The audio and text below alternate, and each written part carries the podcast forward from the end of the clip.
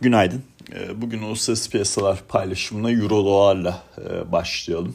Ee, biliyorsunuz bir süredir e, ABD FED tarafında yavaşlama, faiz artışlarında yavaşlama e, ve hatta durma olasılığının artması konusunu konuşuyoruz. Diğer tarafta da Avrupa Merkez Bankası üyelerinin 50'şer faiz, bas puan faiz artışına devamı e, sinyalleri geliyor. E, Bloomberg'un e, geçen hafta işte Mart ayında 25 bas puan artış yapabilir haberi sonrası üyeler Avrupa Merkez Bankası üyeleri buna çok sert bir çıkış yaptı ve 50'şer artışın devamı noktasında piyasaya sinyaller verdi. Lagarde Davos'ta esti, gürledi, konuştu.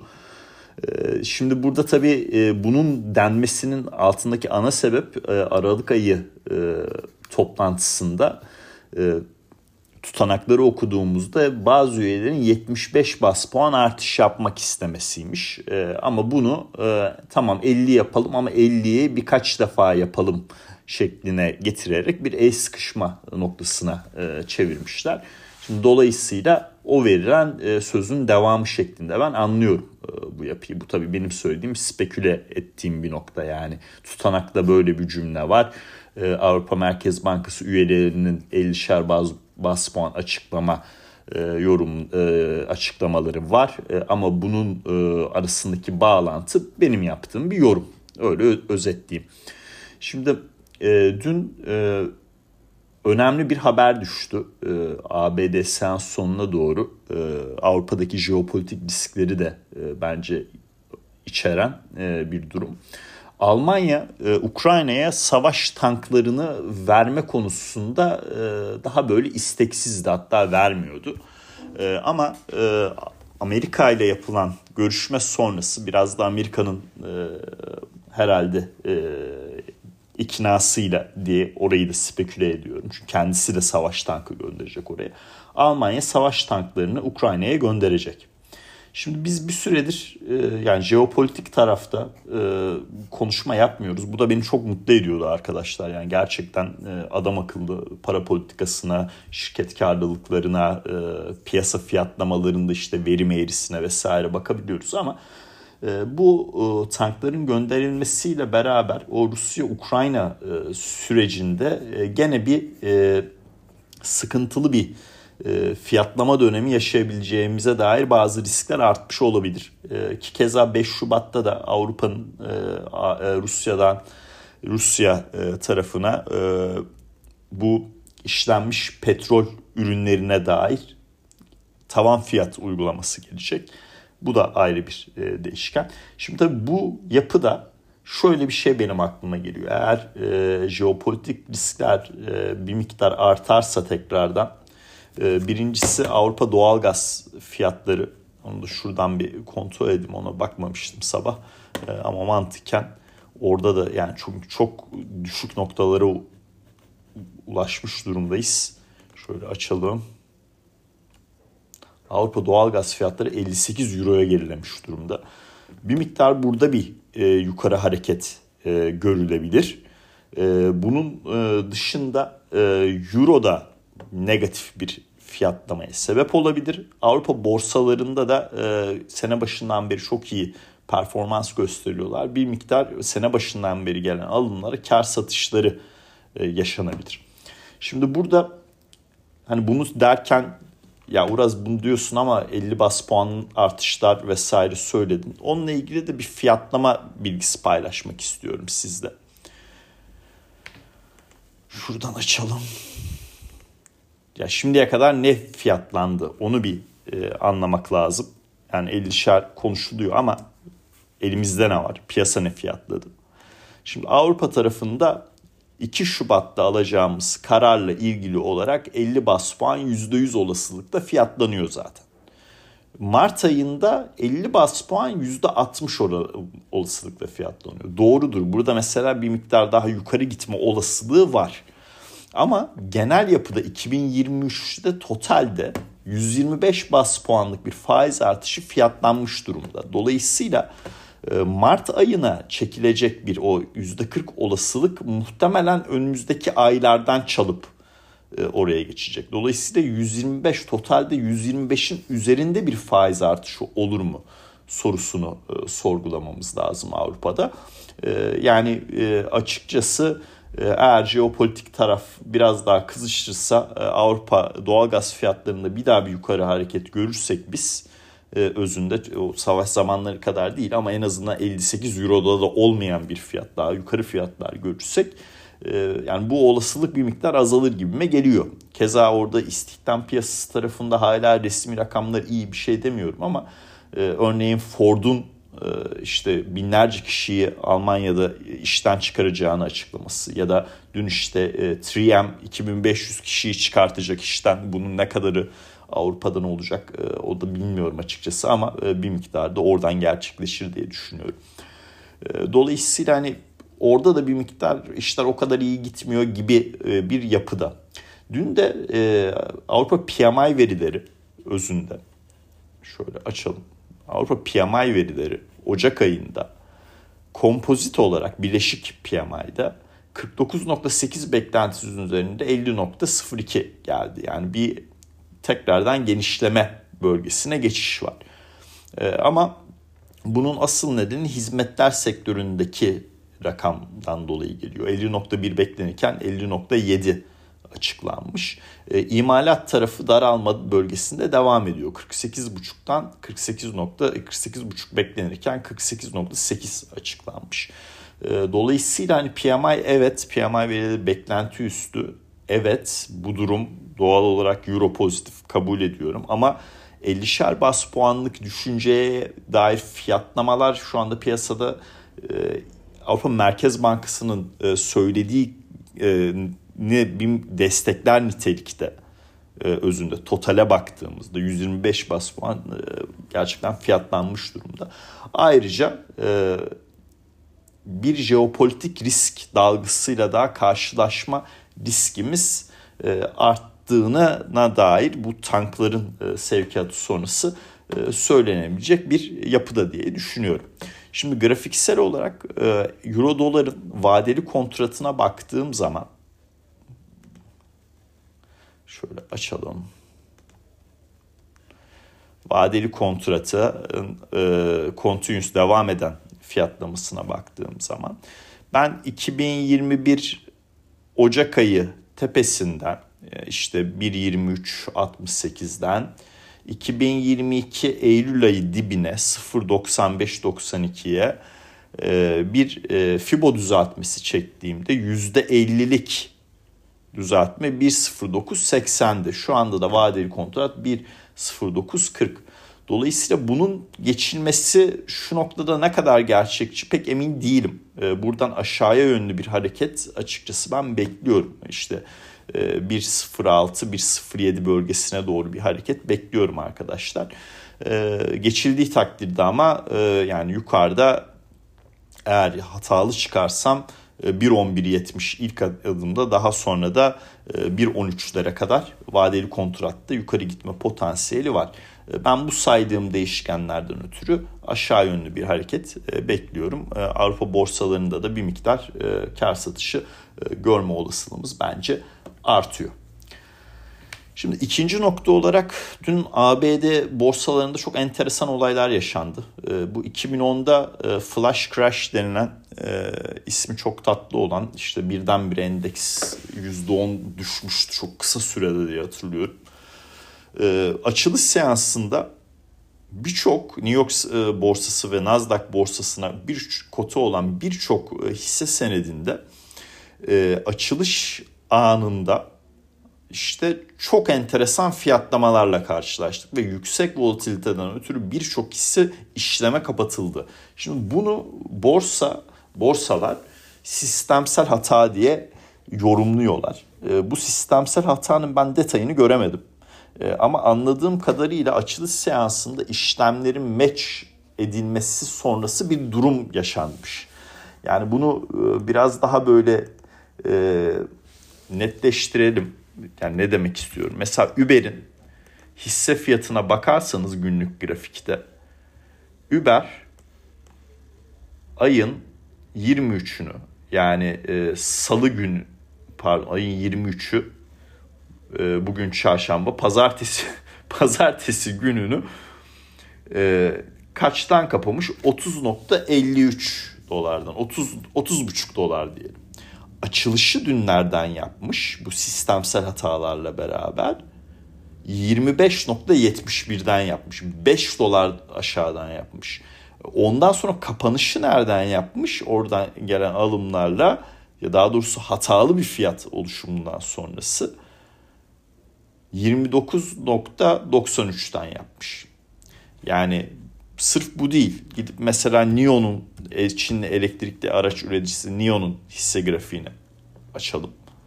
Orada da daha orada da tam ters bir durum var. Yani ayın 23'ü kapanış 12.06 24'ü açılış 14.36 yani 12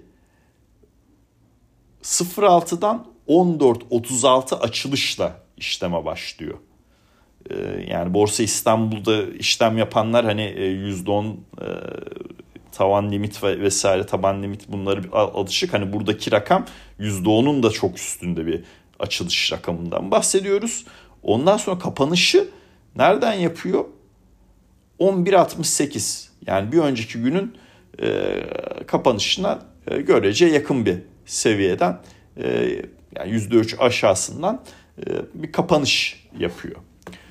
E, gidip mesela son örnek olarak Taiwan Semiconductor Manufacturing'e TSM'i açalım. TSM'de de yani açılış sonrası bak bir 23'ündeki kapanışı söylüyorum. 95-66. Açılış sonrası ulaştığı yer en yüksek 106-43. Kapanışı nereden yapıyor? 94.56. 1 dolar altından yapıyor. Yani çok gerçekten çok enteresan bir gündü. Bu sadece şey değil. Tek yönlü bir şey değil. Mesela 2010'da 2010'da flash crash yaşandığında hisseleri sattılar yani net olarak. Hisseler teknik olarak e, sistemsel hatalar nedeniyle e, işte orada fat finger'dır, e, algoritmik hata trade'lerin getirdiği şeydir, şudur budur her neyse e, şak diye böyle endeks %10 şak da enteresan oldu. %10 düşüş yaşamıştı çok kısa sürede. Bu seferki e, dün yaşadığımız net yönü olan bir şey değil yani. Olumlu tarafta ayrışanlar da var, olumsuz tarafta ayrışanlar da var. Dolayısıyla bu açılış seansında fiyatlamanın e, yani o e, temizleyen fiyat dediğimiz clearing e, e, price yani nedir bu? O, e, emirler giriliyor, bir fiyat belirleniyor. İşte en çok emrin gerçekleştiği açılış seansında ondan sonra fiyatlama başlıyor noktasında. Burada bir e, hata e, gerçekleşmiş ve bu hata sonucunda artı veya eksi yönde ayrışan hisseler oldu. Tabii e, New York borsası bazı işlemlerin e, iptal edileceğini açıkladı. E, bununla ilgili daha detay bilgi de e, paylaşırlar diye düşünüyorum e, günün sonunda. Veya işlemleri yapanlarla direkt temasa geçerler diye düşünüyorum. Şimdi bu kadar uzun uzuncaya e, dünkü e, fiyatlama dinamiklerinde tarihi günü açıkladıktan sonra S&P 500 dün 4016 e, hatta 4017 seviyesinden seansı kapattı. Gene 200 günlük ortalamanın üstündeyiz arkadaşlar kapanış bazında. E, dün tabii yani e, şirket bilançoları çok fazla bilanço geliyor. E, mesela 3M e, önemli bir endüstri şirketi e, bilançosu çok beğenilmedi. Özellikle tüketici ürünleri tarafında 2500 kişi işten çıkartıyor. Negatif ayrıştı. Onun dışında General Electric'ten rakamları aldık. O biraz daha pozitif e, ayrıştı. Savunma sektöründe iki tane önemli isim Lockheed Martin ve Raytheon bilançolarını açıkladı. E, bilanço açıklamasından sonra e, ikisinde de son 52 haftanın e, öyle yazıyordu ama değilmiş. E, şey pardon yanlış bir yeri okudum kusura bakmayın. Bilanço açıklaması sonrası Lockheed Martin'da güzel bir yükseliş oldu 1.8'lik 1.8'lik. E, onun dışında Raytheon tarafına da gidersek e, Raytheon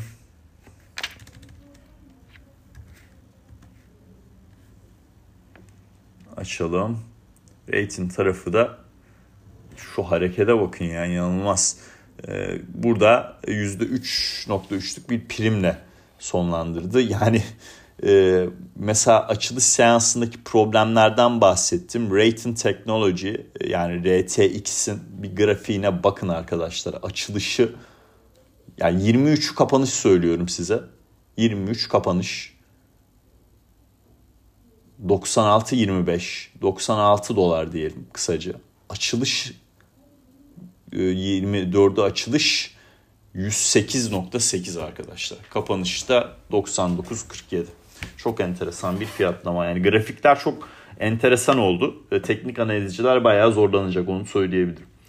E, bu bilançoları aldık. Kapanışta Microsoft önemliydi.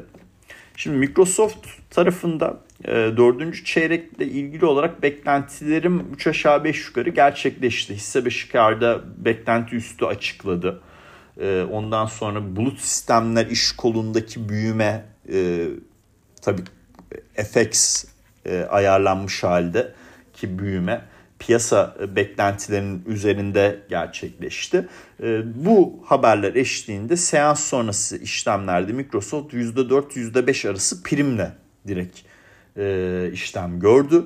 Ama ondan bir saat sonra şirket öngörülerini CFO'nun işte yatırımcı toplantısında CFO'nun önderliğinde şirket finansal öngörülerini içinde bulunduğumuz çeyrek için açıklamaya başladı. Burada bulut sistemlerde bir %4 %5 kadar bir büyümede kayıp bekleniyor. Bu piyasayı tatmin etmedi ama aldığını geri verdi. Yani net ondan sonra net bir e, satış dalgası seans sonrası yaşanmadı. Bu Microsoft'un e, CFO'sunun yaptığı açıklama bugün vadeli e, işlemlerde de Nasdaq üzerinde bir miktar etkili. 11.800 ee, seviyesinde vadeli 0.6 e, aşağıda. Ee, burada şu önemli. Bu bulut sistemlerle ilgili bir beklenti paylaşırken özünde şunu diyor. Yani mevcut müşteri yapımız e, ekonomik gidişatı e, daha kafasında netleştiremediği için daha böyle e, savunmacı bir yapıda olduğu için öyle söyleyelim. E, mevcut kontratlarında daha verimli olmak istiyor diyor. Dolayısıyla yeni kontrat gelmesiyle ilgili, yeni satış yapılmasıyla ilgili burada bir miktar e, sorun var. Buradaki yeni satış illa yeni bir müşteri değil, e, aynı müşteri müşteriye yeni ürün satışı şeklinde de olabilir. E, upsell e, dediğimiz, e, cross sell e, dediğimiz e, durumlar. E, bunların e, olmasındansa daha çok mevcut kontratların daha verimli kullanılmasını tercih ediyor noktasında belirtti. Ee, olabilir. Bakalım. Ee, yani bir önceki çeyrekte de gene benzer bir olay vardı. Ee, işte bulut sistemlerle ilgili kötü bir görünüm sundu. Dördüncü çeyrek rakamlarında gördük ki beklenti üstü bir e, açıklama oldu. Bakalım ilk çeyrekte de bu söylediği ne kadar e, gerçekleşecek? Daha muhafazakar bir nokta CFO'ların muhafazakar olmasını severim. Ee, çok kötü bir şey değildir bu. Ee, daha korunaklıdır. Yani belirtmesi e, çok kötü değil ama e, beklediğim prim başta yaşandı. Ondan sonra hızlıca e, geri verildi. Bugün seans içindeki fiyatlamalara bakacağım. Eğer artı bir kapanış olursa çok çok iyi olur. Ama açılışı eksi yapacağını düşünüyorum. Ondan sonraki fiyatlama dinamiğine de bakacağım açıkçası. Bu Microsoft'la ilgili son söylemek istediğim şey de e, bu OpenAI yatırımı ile ilgili e, CEO Satya e, gelecek ya bu mega sermayeli teknoloji şirketleri işte mega tech denilen big tech denilen grupta e, geleceğin platformu, e, geleceğin platform ürünleri, geleceğin ürünleri noktasında yapay zekanın çok daha fazla yer alacağını belirtiyor. Bunun etrafında yeni platformlar, yeni ürünler olacağını belirtiyor. Bu önemli bir açıklama. Bu bilinen bir şey özünde. Yani bu tahmin edilen bir şey günün sonunda.